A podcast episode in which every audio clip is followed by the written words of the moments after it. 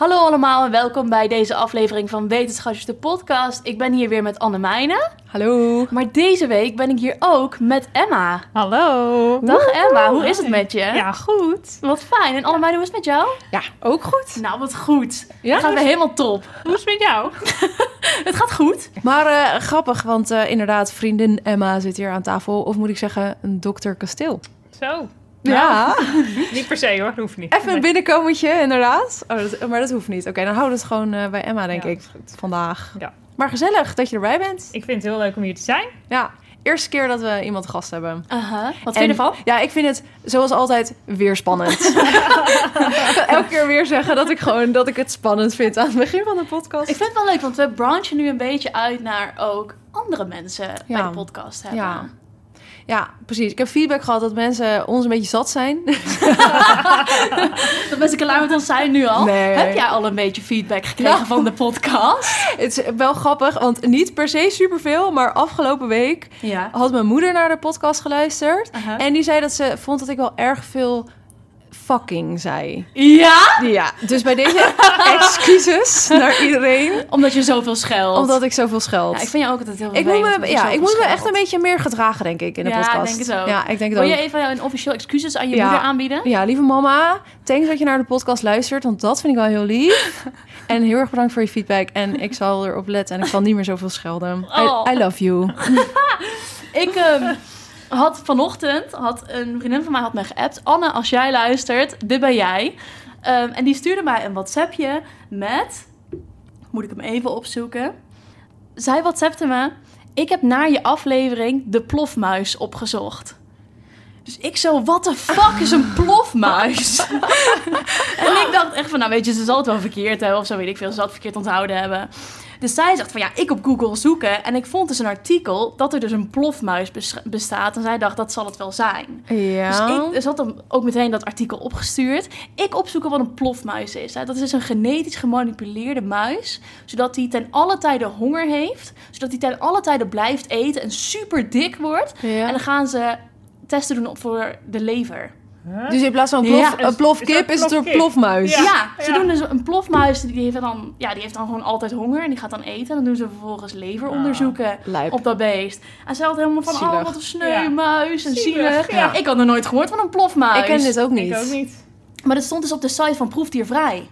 Ah. En toen dacht ik, nou, dat moet ik dus vertellen tijdens de podcast van vandaag. Want waar gaan we het over hebben? Over proefdieren. Woe. En dat is de reden dat Emma er vandaag bij zit.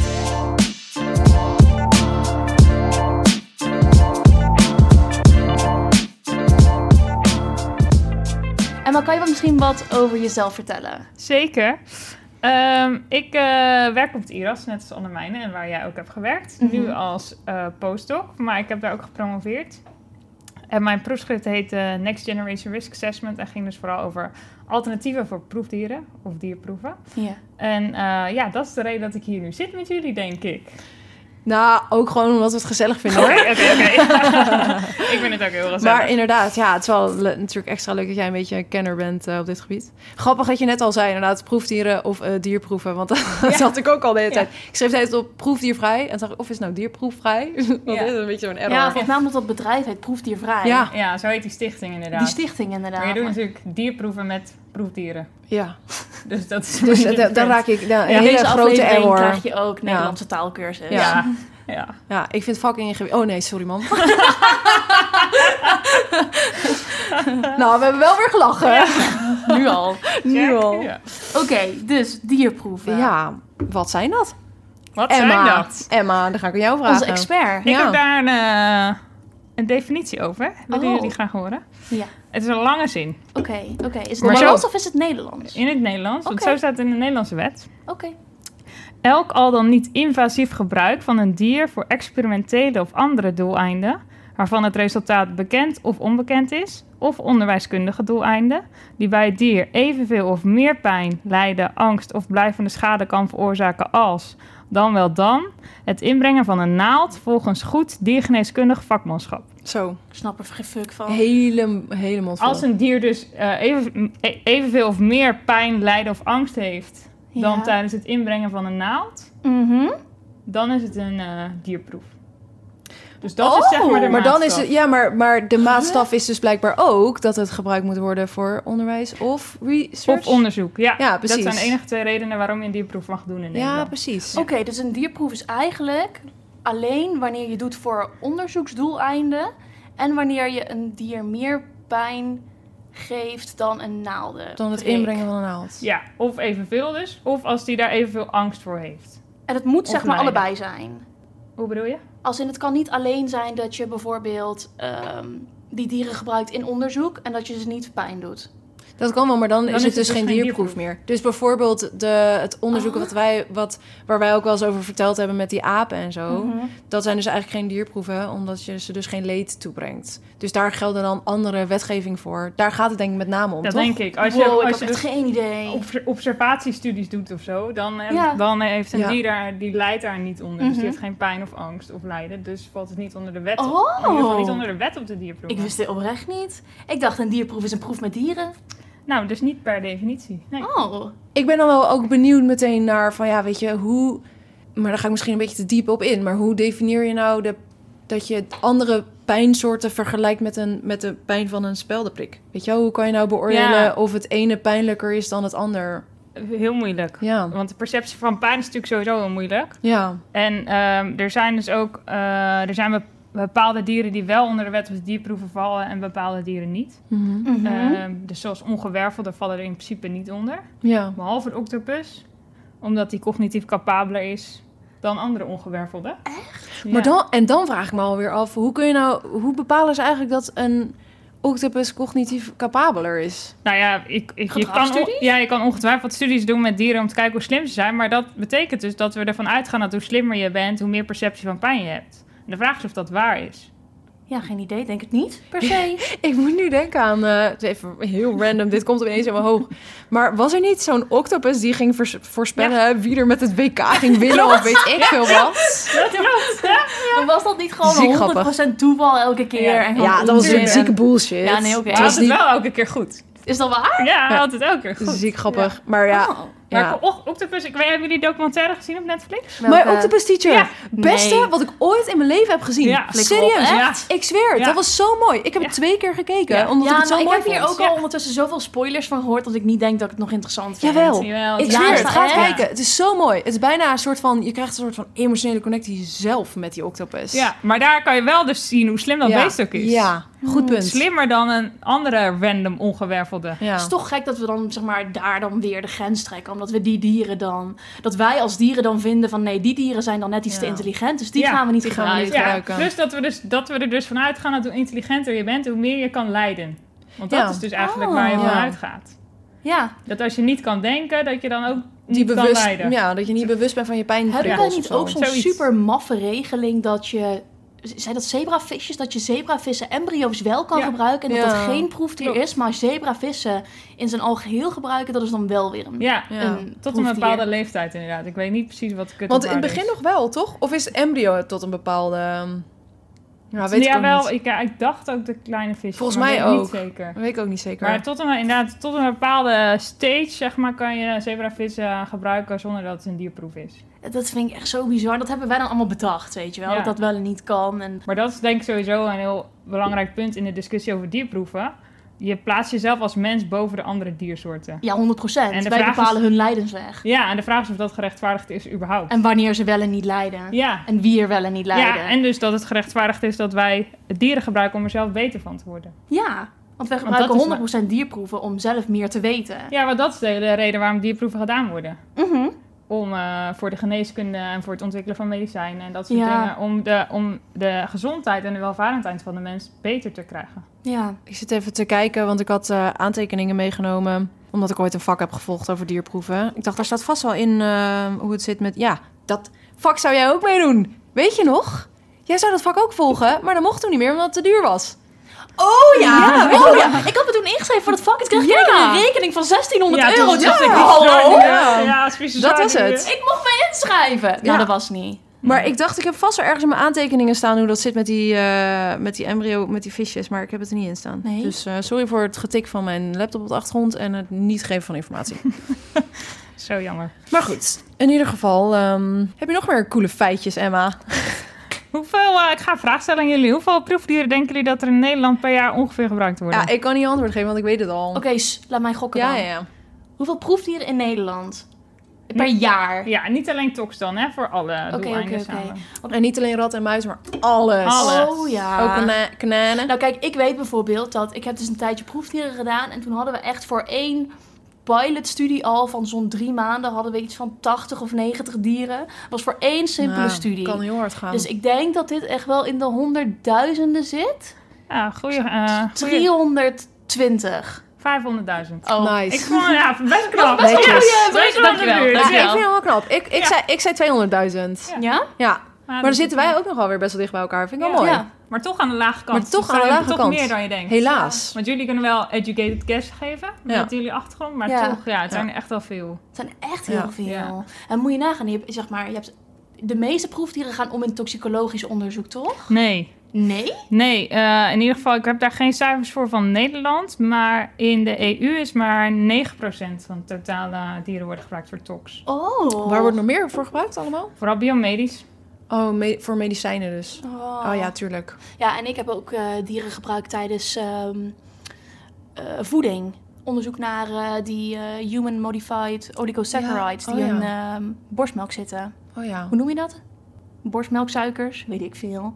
Daar heb ik toen onderzoek naar gedaan in dieren. Ja. En dan kijk je dus meer naar nu- nutrition-achtig. Ja, in- ze wilden weten of ze intelligenter werden van die eh, Ah, componenten. Ja, cool. Ja, omdat dus niet al die componenten in van die Nutrilon eh, Ja. verpakkingen Ah, ja. zaten, maar wel al die componenten natuurlijk in borstmelk zitten. Ja. Ja. Dus zij wilde eigenlijk weten, en nu noem ik bijvoorbeeld Nutrilon, maar er was dus een specifiek bedrijf wat graag wilde weten of ze dit soort producten toe moesten voegen in hun eh, kunstvoeding. Eh, omdat er zeg maar, volgens mij zijn er twee van die HMO's, noem je dat afgekort, die worden maar toegevoegd daarin. Terwijl het er eigenlijk een stuk of 150, 200 zijn. En? Mag ik niet zeggen. Oh, Oh, helaas. Helaas. Ja. nou, als je er toch niks over kan zeggen, dan eh, gaan we gewoon weer verder, zou ik zeggen. Meer feitjes, mevrouw Kasteel. Mevrouw, dokter. Dokter. Dokter. Dokter Kasteel. Ja, wel trots op die titel. Ja, terecht. ja. Jezus. Ehm, nou, waar het dus eigenlijk om gaat als je naar dierproeven kijkt, is dat er eigenlijk drie belangrijke aspecten mee verbonden zijn. En dat zijn feiten, emoties en cultuur. En als je bijvoorbeeld nadenkt over cultuur in Nederland, ehm, is de perceptie van mensen vooral dat het doen van dierproeven op ratten en muizen misschien minder erg is dan op honden en konijnen. Denk En het wel. katten? Ja. Ja. Maar als je naar India, daar zouden ze bijvoorbeeld Oh. koeien natuurlijk niet zo graag Ja. gebruiken voor dierproeven. Ja, nee. Dus cultuur en hoe je perceptie van dieren en diersoorten speelt best wel mee in hoe je naar dierproeven kijkt en welke dieren je daar bijvoorbeeld voor gebruikt. ja. En eh, op die manier spelen emoties natuurlijk ook mee. Ja.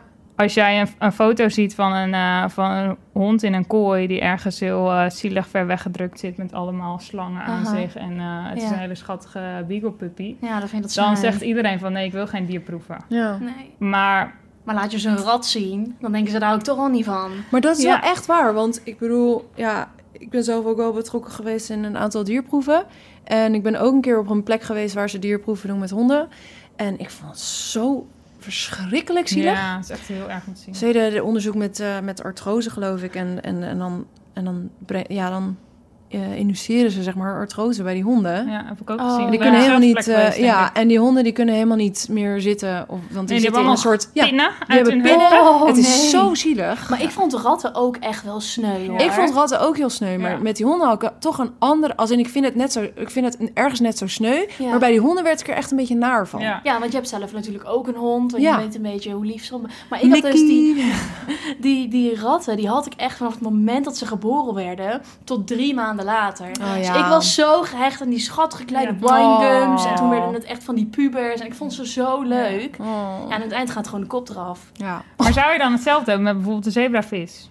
Nee. Nee. Ja, ik ben precies. Dus wel er zijn echt gradaties. Ja, er zijn echt gradaties in. Ja. Dat is eigenlijk heel gek. Maar een vis Ja. interesseert me dan niet zo heel, nee, maar dat is gek, want net zo goed een levend wezen als een eh beagle of een rat. Ja. Dat is Ja. dus echt gek. Maar ik moet wel zeggen dat als ik bijvoorbeeld... Heb je wel eens van die... ehm, bijvoorbeeld die Seaspiracy documentaires gezien of zo? Van al die bijvangst. En dan hebben ze zeg maar zo'n net en dat halen ze dan omhoog. En dan zit er een visje. En dan denk ik, oh, visje! Ja. En dan vind ik het weer helemaal kut. Ja. ja stom Maar ja, weet En dan je, vanavond lekker een bordpaella naar binnen werken. Ja. Met maar een kippetje. Met een kippetje. Een. Ja. Ja. Ja, maar het is Lekker, natuurlijk... eh, Ja. Maar daar zie je dus hoe een grote rol emoties eigenlijk spelen in het bepalen of je dierproeven Ja. oké vindt of niet. Ja. Ja. En als, eh, als dierproeven worden gebruikt om een medicijn te ontwikkelen Mhm. tegen een hele ernstige ziekte, Ja. dan vinden mensen het ook al gauw weer meer oké. Ja. Ja, ja de, het doel, voor- het doel van het onderzoek ja, is het voor doel. mij heel belangrijk. Ja. Ja. Ja, Terwijl dat eigenlijk eens. ergens ook super hypocriet is. Ja. Ja, wellicht. Want mensen zeggen dan bijvoorbeeld voor onderwijskundige doeleinden, onderwijskundige doeleinden, sorry, vinden ze, vind ik het niet zo belangrijk. Nee. Mhm. Maar dan denk ik, ja, als jij wil dat ehm, die dierproeven gedaan kunnen blijven worden, Ja, dan moet je toch iemand leren. Ja. om een medicijn te vinden Ja. voor ernstige ziektes, dan Ja. moeten toch mensen het leren inderdaad. Ja. Ik kan me ook herinneren dat ik ooit ergens een keer een opdracht gehad heb. En dat is misschien tijdens de master geweest, maar dat weet ik niet heel zeker. Maar dan had je zeg maar zo'n rij van die. Oh nee, dit was ooit een keer een reclame volgens mij. En dan had je zo'n rij van dieren, van bijvoorbeeld, weet ik veel, van een paard naar een rat toe. En dan moest je zeg maar een streep zetten. Oh. van- Dit is waar, Waar ik de lijn grens? trek. En Ja. vanaf hier zou ik geen dierproeven meer accepteren. Ja. Eh, en dat was dan volgens mij was dat een reclame, een hele grote billboard. En dan was daaronder stond dan als slogan van waar trek jij de lijn? Van wat is wel oké en wat is niet oké. Maar in dat En- opzicht... Sorry, ik onderbreek je. Nee, ik was ook eigenlijk niet. Oh. Ik was zeg maar meer. Ik wilde een slotzin voorbereiden. Oh. Wil je hem nog maken? Het is oké. Oké. Eh, maar, want omdat je dit verhaal vertelt, doet mij denken aan eigenlijk... Want je hebt natuurlijk die, die ethische kwestie van, hè, van oké, er ligt iemand op het spoor, wil je hem, ga je er overheen? Oh ja. Of, eh, of- Ja. wat is het nou? ja, als je links gaat, dan rij je vijf mensen over. En als je dan rechts rijdt, bijvoorbeeld rijd je één mensen over. Maar dan maak je wel die is dan keuze. bijvoorbeeld Adolf Hitler. Oh. Oh, nou, Jullie dan, zou ik, maar dan weet ik wel, weet ik wel wat Nee, ik zou nee, doen. nee, nee. Dan zou ik gaan voor Adolf Hitler. dat vind ik niet helemaal verkeerd. Nee, het gaat Nee, er nee, inderdaad om dat er aan de Je ene kant weer. vijf mensen liggen en aan de andere kant één. Maar je rijdt op die vijf mensen af. Ben jij dan degene die bewust gaat kiezen om hem te veranderen, zodat Ja. je maar over één iemand heen rijdt? Maar dan bepaal je wel het lot van die ene. Ja. En eigenlijk is met dierproeven is er wel een soort gelijk iets, omdat je dus bijvoorbeeld met dierproeven dus mensenlevens kan redden. Dus wat kies je ervoor? Eén me- of die mensen die doodgaan, of eigenlijk de dieren die doodgaan? Ja. Dus het is heel, het is een beetje zwart-wit, maar het is wel een beetje hetzelfde soort ethisch dilemma. Van kiezen wij ervoor dat de dieren doodgaan, of laten we van vanzelfsprekend soort van de mensen doodgaan? Ja. En dat heeft dus inderdaad weer maken- kijk me aan, want wat de fuck zeg je?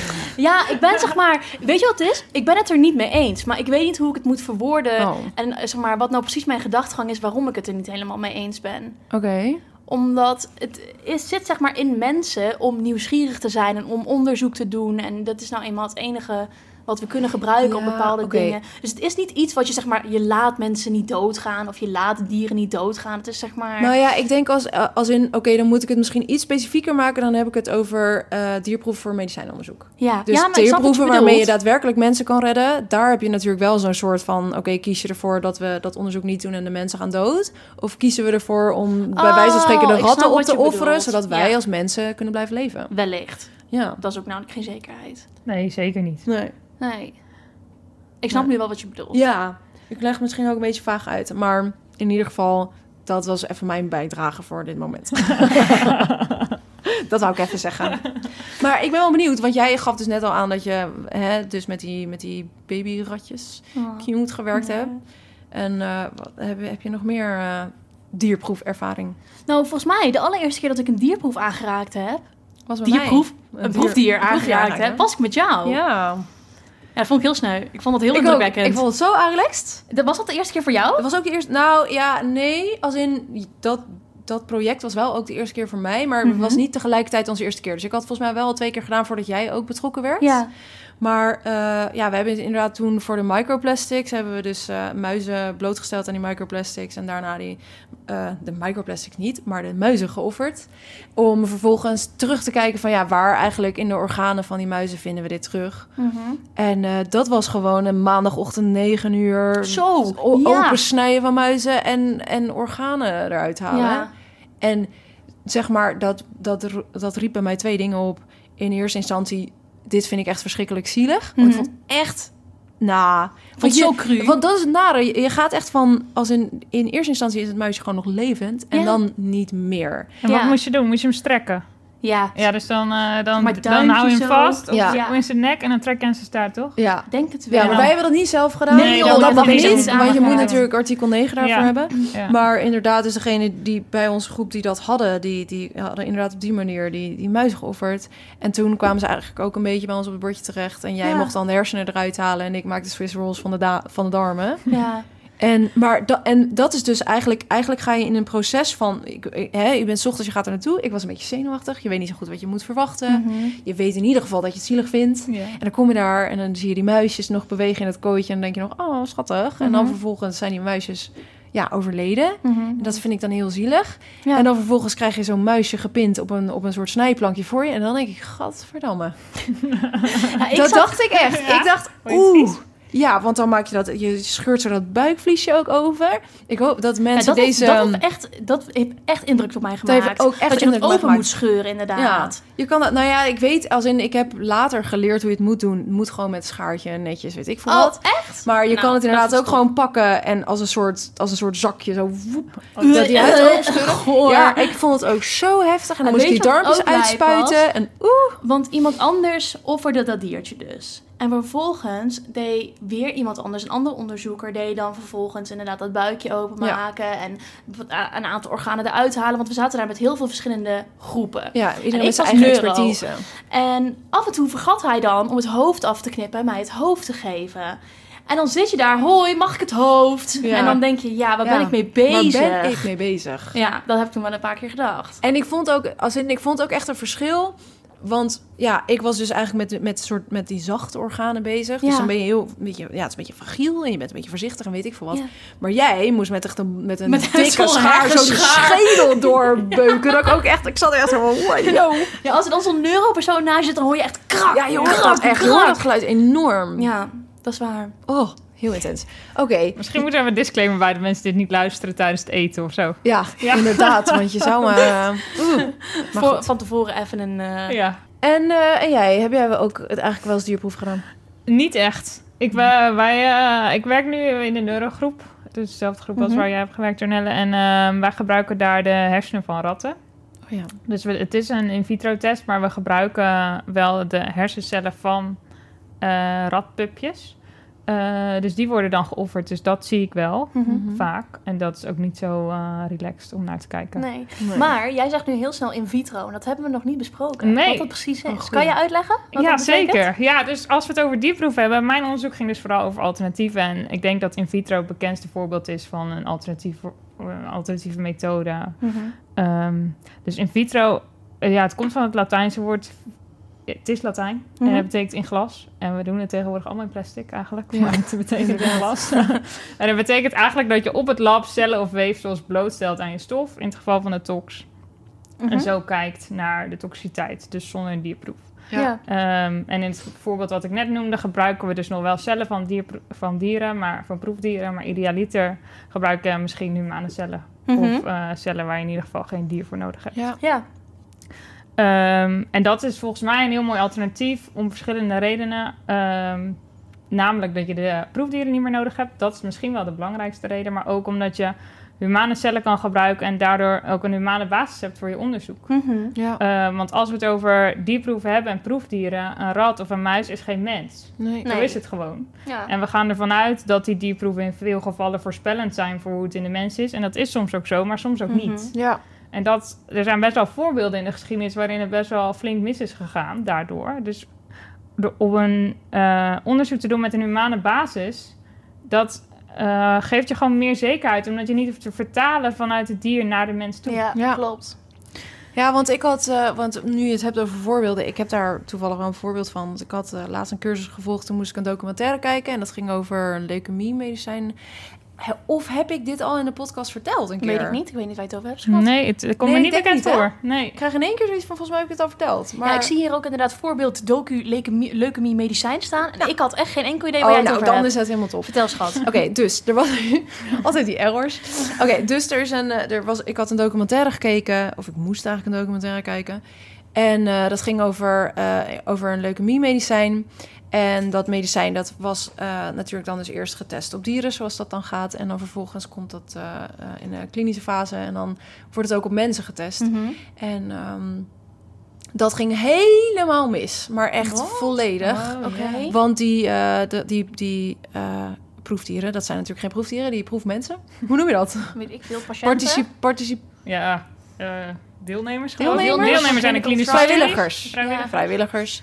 Die vrijwilligers die kregen een, een cytokine eh, release storm. Dus die reageerden zeg maar immunologisch. Die kregen een enorme immuunreactie eh, op, eh, op dat medicijn. Ja. En eh, hè, achteraf zijn er, is er heel veel bediscussieerd over de manier van het toedienen en weet Mhm. ik veel wat. Maar waar het uiteindelijk op neerkwam, is dat de dierproeven, de dieren waar ze het in deden, die, hadden, die misten bepaalde receptoren op hun immuuncellen die in de mens wel zaten. Oh, Ja.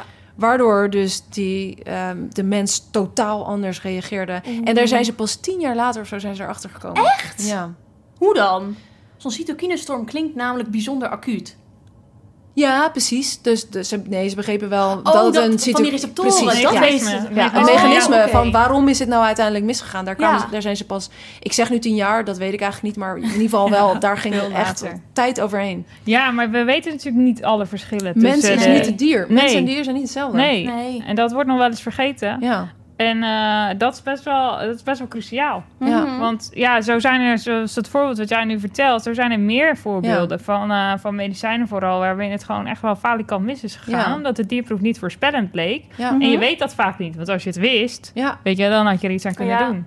Maar dat, ja, er kan op zoveel vlakken kan het, het dier verschillen van de mens. Ja. Ja. En niet alleen een rat, maar ook een hond is anders. Of welk Ja. dier je dan ook gebruikt. Ja, want ik had ook een beetje me daar geprobeerd op in te lezen. En toen, eh, hè, een, een jaar geleden ongeveer, hebben ze voor het eerst in Amerika, geloof ik, dus een, eh, een varkenshart in het mens Oh, dat geplaatst. heb ik inderdaad gezien. in Ja, en wat dus het ding is, is dus dat die, dat is geen normaal varken, maar dat varken is al genetisch gemodificeerd, zodat dat hart zoveel mogelijk op een mensenhart lijkt. Maar Mhm. goed, hè, en dan gaat het met name eigenlijk gewoon anatomisch, dus, Mhm. dus, dus hè, fysiek lijkt dat hart op een mensenhart. En dat hebben ze erin geplaatst, maar uiteindelijk is die man alsnog overleden omdat er een type varkensvirus in zat waar wij als mensen helemaal niks mee kunnen. Mhm. Of niks mee kunnen, enorm op reageren. Ja. Dus ook daarin, weet je, dus dan kun je wel zorgen dat het hart even groot is en dat het Ja. goed, aan, goed past en whatever. Maar dan krijg je bijvoorbeeld ook weer dus dat je virussen en zo meeneemt. Ja. Ja. Dus het is zeg maar niet alleen zo dat je proefdieren kan gebruiken om bijvoorbeeld medicijnen te testen, maar je kan proefdieren ook gebruiken om vervolgens bijvoorbeeld organen te transplanteren. Precies. Ja, precies. Gaat allebei niet op, hoor Nee. ik nu. Ja, want, want dat... Kut, ik zou... Sorry, nou scheld ik weer. Dit is echt super relaxed. Oké, maar... Vet grappig wel. Maar, Maar- gozer. Nou, Ik laat me proef met rust. Ik ga ook niet elke keer als jij die zachte G zegt eh, vervelend doen, Jonel. Oké, Dat zei ik niet. vet grappig. Maar, dit wilde ik nog, nog factchecken, maar dat heb ik niet meer gedaan. Maar ik durf Oh. het alsnog wel te zeggen. Vertel. Want volgens mij heb ik dit op mijn bachelor gehad. Maar het HIV-virus, Mhm. dus eh, het, er wordt gezegd dat dat ook over is gekomen op de mens... doordat ze, volgens mij in Afrika, ehm, hartkleppen zijn, van apen zijn gaan transplanteren naar de mens. En zo is het dat- HIV-virus ja? van de mens naar de aap Ja, dat wist ik ook niet. Nee, dat wist ik ook niet. Dus dan toch ga ik het even factchecken Ja. hier waar we zitten. Maar ik Zou weet het bijna inderdaad, voordat ik zeker. nu helemaal enth- enthousiast ben door dit Ja. feitje en het blijkt uiteindelijk niet Ja. waar te zijn of zo. Nou ja, voor corona is volgens mij de eh, meest genoemde theorie ook nog steeds dat het van een dier komt, toch? Ja, inderdaad, van de, Ja. van vleermuis. Ja. Is dat de theorie? Is dat niet waar? Volgens mij ze hebben ze nog steeds niet 100% zeker bewezen. En dat komt dan vooral omdat het in China was. Oh, ik, ik heb En- alleen maar dat verhaal gehoord dat er een kerel op een markt een vleermuis Ja. gekocht had. En die had die ge- gegeten Ja. en nu heeft in één keer de hele wereld Maar corona. volgens mij zijn er ook nog steeds mensen die geloven dat het eh expres door China is gemaakt op een lab. Oh, dat, maar dat is een complottheorie Dat die is ik wel een ook gehoord conspiracy had. theory. Maar, nou, Maar zijn er echt vet, als in, als in waarom niet? Ja, Wat? Nou, uh, heel vaak met complottheorieën denk ik van, ja, oké, gozer. hm. Maar nu heb ik met, met gozer. Dat is jullie, dit is jullie schuld. Dit komt niet door mij. Maar nu heb ik oprecht zoiets van, misschien is het ook wel zo. maar expres dan? Of per ongeluk? Nou, expres denk ik niet. Nee, dat denk ik ook. Hoe maak je niet expres een virus?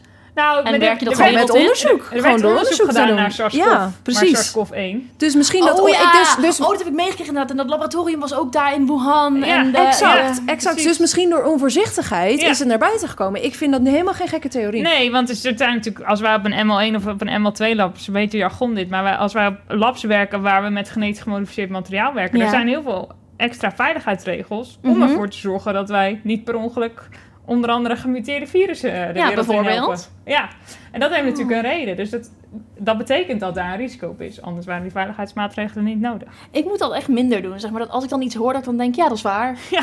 Als ik dan hoor van, ja, Ja. weet je, er heeft een keer een vleermuis gegeten en dat zal het dan misschien, dan denk ik, ja, dat zal wel kloppen. Dat is heel lief naïef. Gewoon ja, dat, nou ja, ik weet niet of ik het naïef zou willen doen. Ik ben altijd zo'n, ik spring altijd tot een conclusie, weet je wel. ja, ja. Dan heb ik iets gehoord of dan heb ik iets gezien en dan denk ik, dat is zo. Ja, dat snap ik wel. En dan zijn er altijd actief mensen die mij dan eraan moeten herinneren dat niet alles zo is. Nee. Nou, zolang je niet in de meeste conspiracy eh, theories gaat geloven, dan... eh, is nee, het zeker niet. Ik denk dan meteen, dat is niet. Nee, dat... Totdat jullie zeggen van, nou, is op zich wellicht mogelijk. Dan denk ik, nou ja, op zich mogelijk. Misschien zou het kunnen. Ja, misschien Ja. zou het kunnen. Ehm, nog even terugkomend op eh, HIV. En er is inderdaad al in 1987 een artikel over HIV-infectie door orgaantransplantatie van apen. Dus de, de- dit is wel een serieus iets. Ja. Oh, ik had geen idee dat dat zo eh, de wereld in geholpen is. Dus Ja. ook van aap op mens. Ja, ja dus door xenotransplantatie van organen, weefsels of cellen... men vermoedt dat aids op deze wijze van de aap naar de mensen overgebracht. Maar het is dus wel een vermoeden. Het is dus niet een weten Oh, oké.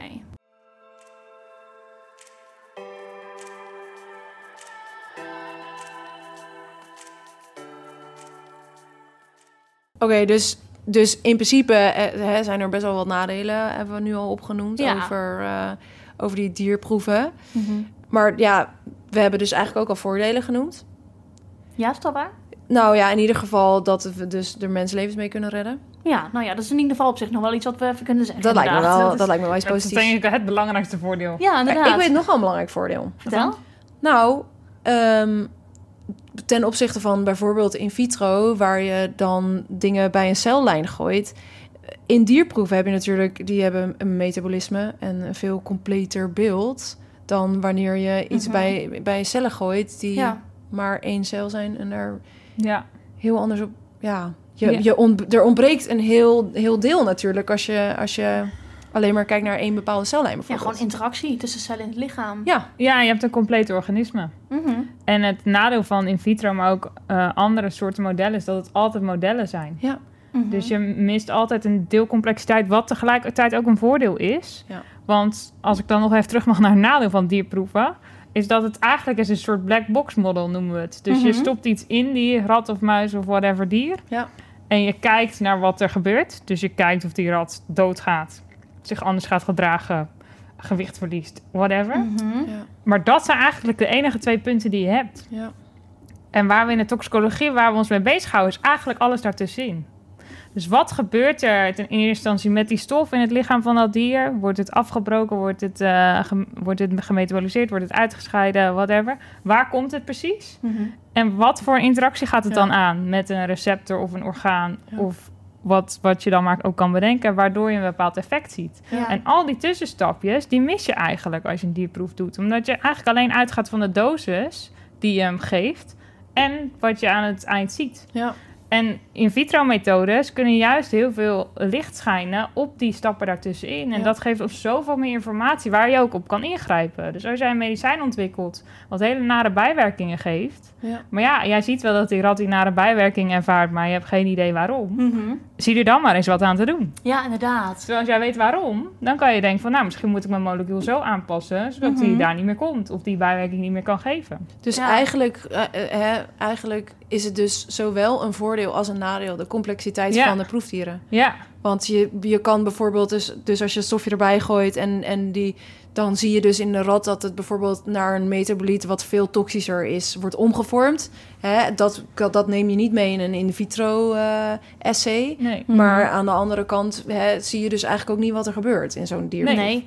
Nee. Kijk, je weet niet of je op het moment dat jij een bepaald eh, stofje geeft aan zo'n dier, ehm, dat 2D vergelijken in het lab ja, met ehm, wellicht een hersentumor die zich vormt in een rat, Ja. dat zal je niet weten. nee.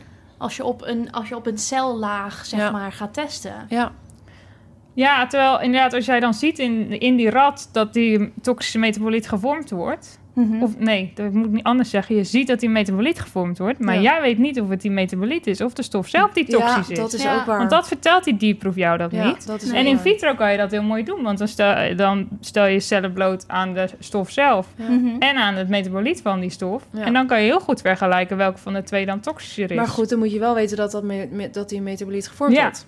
Maar dat kan je in vitro ook wel bekijken. Alleen lastiger in één systeem. Ja, Mhm. ja Want dan precies. moet je dat Ja. bijvoorbeeld bij de levercellen doen. Terwijl als jij het effect op de hersenen wil weten, heb je hersencellen nodig. Ja. Dus je Ja. hebt veel meer Ja. aparte testjes nodig. Ja. En het Mhm. lastige is, is dat je die niet in één keer kan integreren. Ja. En heel veel verschillende mensen, hè? Ja, Want jij doet nu bijvoorbeeld onderzoek Ja. naar neuro en Ja. jij doet onderzoek naar immunologie. Ja. ja. En dan, dat, deze dingen moeten uiteindelijk allemaal gecombineerd worden voordat je echt iets kan zeggen over Ja. je stof. Ja. Maar iemand die in een neurolab werkt, zal zich alleen maar focussen op de hersenen. Ja. Ja. En die zal misschien niet zo snel denken van, nou, de lever, die haal ik er ook uit en even kijken wat daar allemaal gebeurt. Ja. Ja. En daar moeten we wel naartoe. Ja, dat precies, is waar ik heel graag naartoe zou willen in ja. mijn onderzoek. Ja. Door alles te integreren. Want dat is volgens mij nu waar een heikel punt zit van in vitro. Dat het Mhm. allemaal eilandjes Ja. zijn. Ja, met orgaan, orgaaneilandjes. orgaaneilandjes. Ja. En dat je, volgens mij waar we naartoe moeten, is het allemaal integreren en ook de Ja. vertaalslag naar de mens weer Ja. kunnen maken. Mhm. Maar misschien toch leuk dat je dan heel even kort... Want ik, ik heb het idee dat je het ook een beetje hebt over de in silico en de PBK-modeling Ja, nu. Misschien zeker. wel leuk om daar een klein beetje... Het is een beetje wel een ingewikkeld topic, maar... ja, maar dat kan je kan, wel. kan ja, dat het kan is je wel wel. leuk om dat Oh, een beetje te vertellen.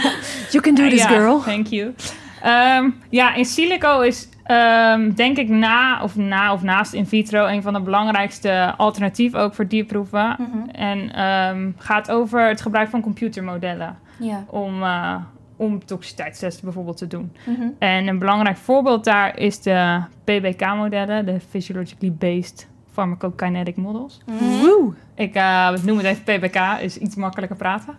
Ehm, en wat we daar doen is met behulp van wiskundige vergelijkingen eigenlijk alle processen die in het lichaam plaatsvinden kunnen we Mhm. modelleren. Dus Ja. het mooie aan, aan het menselijk lichaam is, is dat alles volgens wiskundige processen gebeurt. Ik was er best wel verbaasd over toen ik dat voor het eerst hoorde, maar ja, dat lijp, is?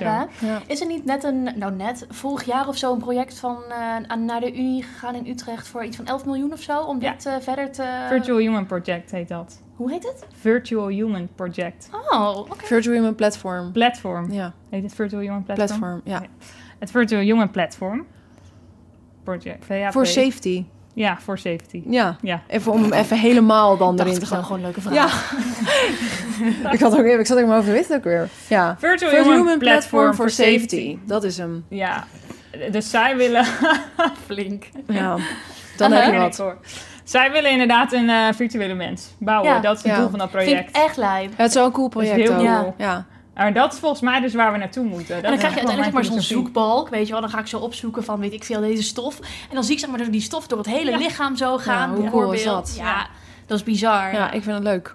Maar zij, volgens mij, willen zij dus eh, zo'n PBK-model combineren met heel veel in vitro data. Mhm. Ja. Ik weet niet zeker, want ik ben zelf niet betrokken bij het project, maar volgens mij is dat zo. Ja, dat is... En zo'n PBK-model, doordat je dus alle processen in het lichaam kan modelleren, kan je dus ook voorspellen waar stof eh, naartoe gaat. ja. Ja. Dus hoe die wordt opgenomen, of die wordt gemetaboliseerd, ja of niet, Waar naar welke organen die gaat. Mhm. En ook eh, in de tijd. Dus je kan kijken hoe lang er stof in het lichaam blijft en wanneer die bepaalde concentraties ergens bereikt. Mhm. En als jij dus ziet dat die stof eh, heel veel in een bepaald orgaan terechtkomt, dan is het logisch dat je daar toxiciteit kan verwachten. omdat Ja. je- de dose makes the poison. Daar, Daar zijn we weer. Daar zijn we weer. De doos makes the poison. daar, dat is altijd waar je daar- als de dosis daar het hoogst is, is het logisch dat je daar misschien toxische effect verwacht. Ja. Niks gegarandeerd, maar dat is wel logisch. Ja. En je kan kijken hoe lang stof in het lichaam blijft. Mhm. Ja. Wat ook bijvoorbeeld dan weer heel handig is voor food purposes, even iets heel anders. Mhm. Maar stel dat jij je koe antibiotica geeft. In Nederland mag je geen melk met antibiotica erin verkopen. Of Mhm. althans niet boven bepaalde levels. Als jij kan modelleren wanneer die antibiotica uit de melk is verdwenen, dan weet je wanneer je de melk van je koe weer kan verkopen. Of het vlees. Oh, ja? Maar dan moet je ook een virtual koe Ja, hebben. maar dat is het mooie, want wij weten de fysiologie van de mens, wij weten ook de fysiologie van de koe. Ja. Dus in principe, het dat is het mooie van die computermodellen, kan je dat heel makkelijk ook vergelijken en omrekenen. En kan je dus Oh. bijvoorbeeld ook zieke mensen, of mensen die eh, bijvoorbeeld een nierziekte hebben, en Ja. daardoor minder goed eh medicijn of een stof uitscheiden, kan je ook heel makkelijk modelleren. Om te kijken hoe dat effect heeft op de concentratie van je stof in het lichaam. Dat is hetgene waar je nu voornamelijk mee bezig bent dan. Ik ben daar nu ook deels mee bezig. Mhm. En wat ik uiteindelijk, waar ik het liefst naartoe zou willen, is dat combineren met in vitro modellen. Ja. Dus in vitro modellen gebruik ik voor de input in dat model. ja. En voor zeg maar de uiteindelijke effecten. Want PBK-modellen zijn vooral eh, gefocust op hoe de stof zich beweegt in het lichaam. Mhm. En als je dat dan koppelt aan wat het effect is van het stof. Mhm. En dan het liefst ook nog met variatie in mensen erin. Ja. Dan heb je volgens mij echt een gaaf project. Maar, eh, maar ik maar. vraag me af, want ehm, kan je überhaupt dit loszien van in vitro? Kan je die, die modellen, daar, daar heb je toch als basis sowieso in vitro voor nodig, of niet? Je hebt daar inputdata voor nodig, maar dat kan ook in vivo data zijn. Ja, precies. Dus, En want in dat vivo is is proefdieren. En Ja. in vivo is proefdier. Ja. Maar dat is dus eigenlijk ook waar, ja, eigenlijk het punt wat ik wil maken. Die in silico op zich, daar heb je toch een basis van nodig van of in vitro of in vivo. Ja, dus dat moet Of eerst in, allemaal of gedaan in worden. silico-data. Of in silico data wat al bestaat, Oh, wat, maar, ja, ja. maar wat uiteindelijk wel waarschijnlijk weer komt van. Snap wat ik bedoel? Ja, ja, Je, ja, uiteindelijk ja. moet je het ergens vandaan halen, wat Ja. waarschijnlijk in vitro of in vivo is. En ik, eh, hè, wat dus helaas volgens mij zo het feit is, is dat alle dierproefalternatieven toch op een of andere manier nog een soort van afhankelijk zijn van de dierproeven. Ook in vitro? Ik denk, ik denk het wel, toch? Want uitein- uiteindelijk, als je een nieuw model ontwikkelt, wil je dat eigenlijk ver- wel Ja, moet je dat valideren. valideren met een al bestaand model of een dierproef. En als je het met een al bestaand model vergelijkt, is dat bestaande model misschien ooit weer gevalideerd door een dierproef. Dus in dat opzicht kunnen we wel langzaam ervan afstappen. Maar we zouden denk ik nu niet kunnen zeggen van de ene op de andere dag van jongens, we kappen stoppen met, met we stoppen met dierproeven. dierproeven. Nee, dat gaat inderdaad niet. Maar ik wil hier nog wel iets op zeggen. Je wil die resultaten valideren, maar wil je ze valideren ten opzichte van een dierproef? Ja, goed. Want punt. we hebben het er net over gehad dat die dierproef niet altijd gelijk heeft. Ja. Sterk argument. En dat is, dat, maar dat is echt een heikel punt ook in het, in het eh, ontwikkelen en het valideren van de in vitro testen. Er wordt heel vaak wordt gezegd van nee, maar er moet hetzelfde uitkomen als uit de dierproef kwam. Ja. Maar dat is niet wat we willen. Wat we willen is voorspellen hoe de humane situatie is. Ja. En we willen niet voorspellen hoe de dierproef was. Ja. Nee. Maar dat is iets wat, waar mensen snel overheen stappen of snel eigenlijk uit het oog verliezen. Van waarom Mhm. ontwikkelen we deze test nou eigenlijk? Ja. En we willen de humane situatie voorspellen. Het lastige is dat we natuurlijk wel, we moeten wel ergens beginnen. Ja, maar in sommige gevallen, we hebben in sommige gevallen heel veel humane data. Bijvoorbeeld voor heel veel medicijnen. Daar hebben we heel veel humane data over. Ja. Heel veel mensen die dat medicijn slikken. Of Ja. de, de mensen die in de klinische studies en dergelijke hebben meegedaan. Ja. Dus je kan op zo'n moment zo'n in vitro test best wel goed valideren met zo'n medicijn. Maar mag je tegenwoordig je medicijn doorbrengen naar klinische trials zonder dat je Nee. in vivo hebt Nee. getest? Kijk, dan ben je, dan ben je Ja, alweer daar ga je het al. Ja, Dus uiteindelijk we is kunnen nog toch- niet zonder. Ja, we dus kunnen de- nog niet zonder. nee. Dat is de conclusie. Maar ik denk Ja, echt en, maar dat komt grotendeels ook gewoon door, door wetgeving en regelgeving. Ja. En opleiding. Ja. Want het verbaast mij enorm, want ik ben in opleiding tot, eh, tot toxicoloog. Het verbaast mij enorm hoe erg dat nog gefocust is op dierproeven. Ja. Terwijl we zo bezig zijn met het vermijden van dierproeven Ja. en het zoeken naar alternatieven. En dan vervolgens krijg ik weer les over met deze dierproef kun je dit en dat en zo en zo. En dan denk ik van, Mhm. hé, maar waarom, waarom? ja. Hoezo moet dit nou nog? Ja, het, ja, dat weet ik ook niet zo goed. Je merkt dat eh eh, regulatoire acceptatie, dus zeg maar de mensen die, de, die bedenken welke testen eh, een stof ondergaan moet hebben om op de markt te komen, waar het een medicijn, waar het eh, cosmetica, whatever. Mhm. Ehm, daar merk je dat het heel erg achterloopt. Eh achter op wat we ontwikkelen binnen de universiteit vooral. Ja. Mhm.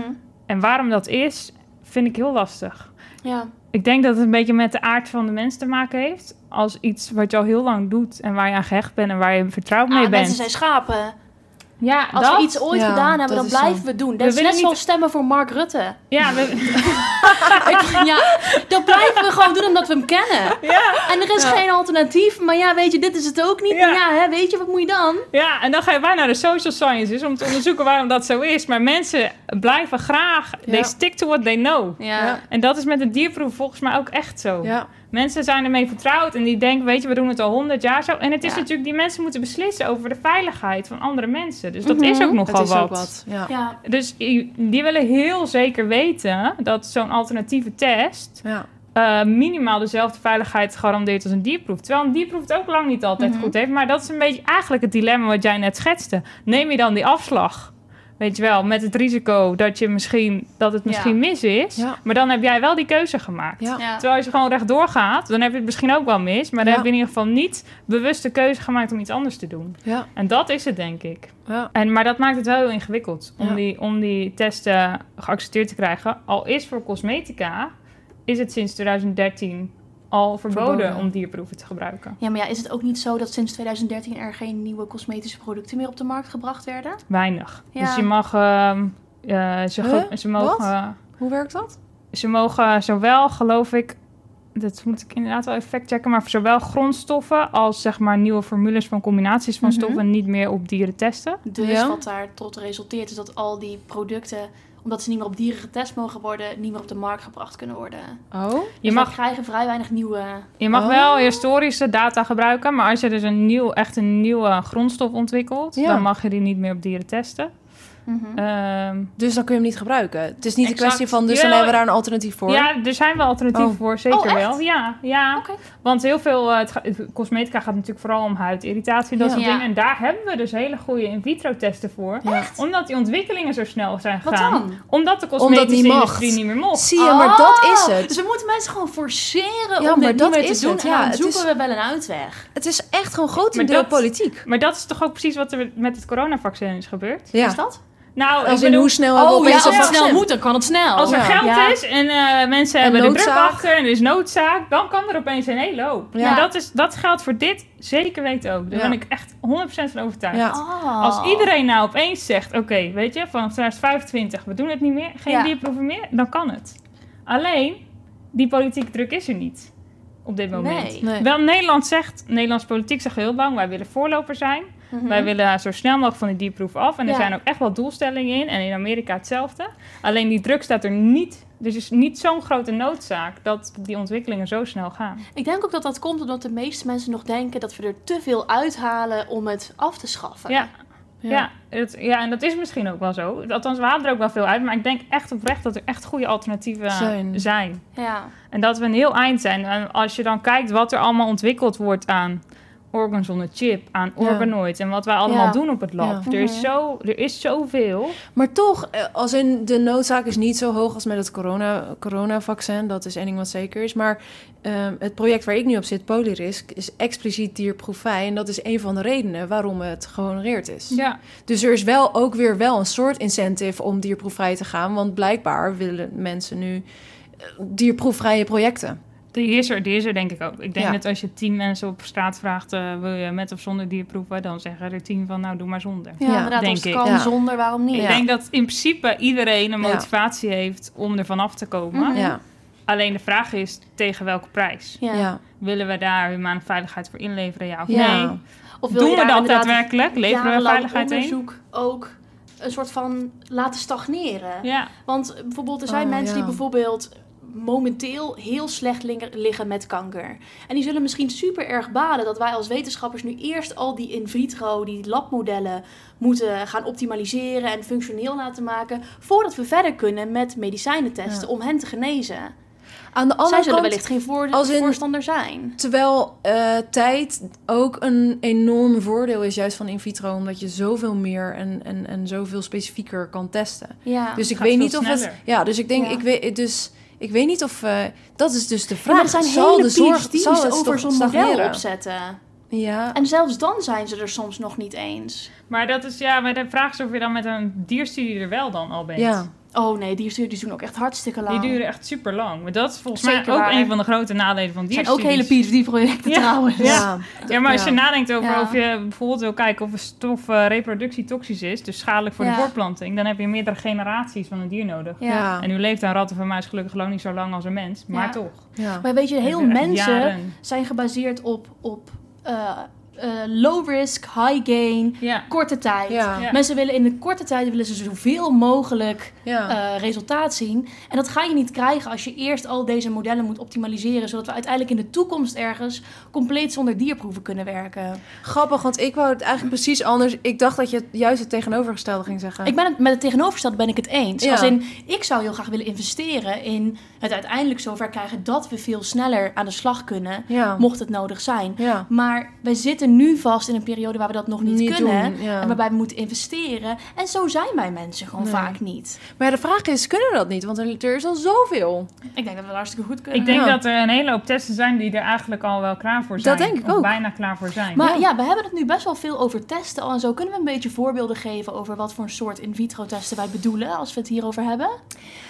Ja, dat vind ik eigenlijk echt wel een heel erg leuk idee. Maar ik zit bijna te denken, want we zijn natuurlijk al een tijdje op weg. Moeten we dat niet gewoon gaan verschuiven naar een volgende aflevering? Als in, je wilt een, je wilt een part 2 maken. Ik wil een part 2 Is maken. dit de allereerste keer dat wij en een gast hebben en dat we een En part een part 2 two. gaan maken? Ja, het is dus als je met z'n drieën bent, heb je dus inderdaad meer te Kan ik vertellen. in één keer heel veel Ja. Kun ik er heel veel vertellen. Maar eh, zou- wat, zou- wat zou jij er vinden? Dokter Kasteel, wil je nog een keer komen? Superleuk. Als je me gewoon Emma noemt, dan, eh, dan kom ik de volgende keer Nou, weer. vooruit dan helemaal.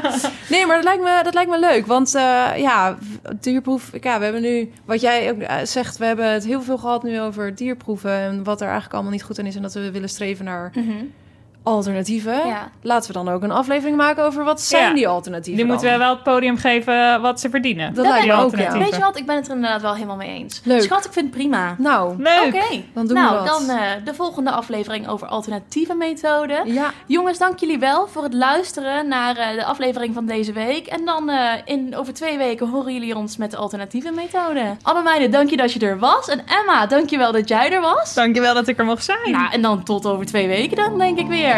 Oké, nou, dag schat. Dag schat. dag schat.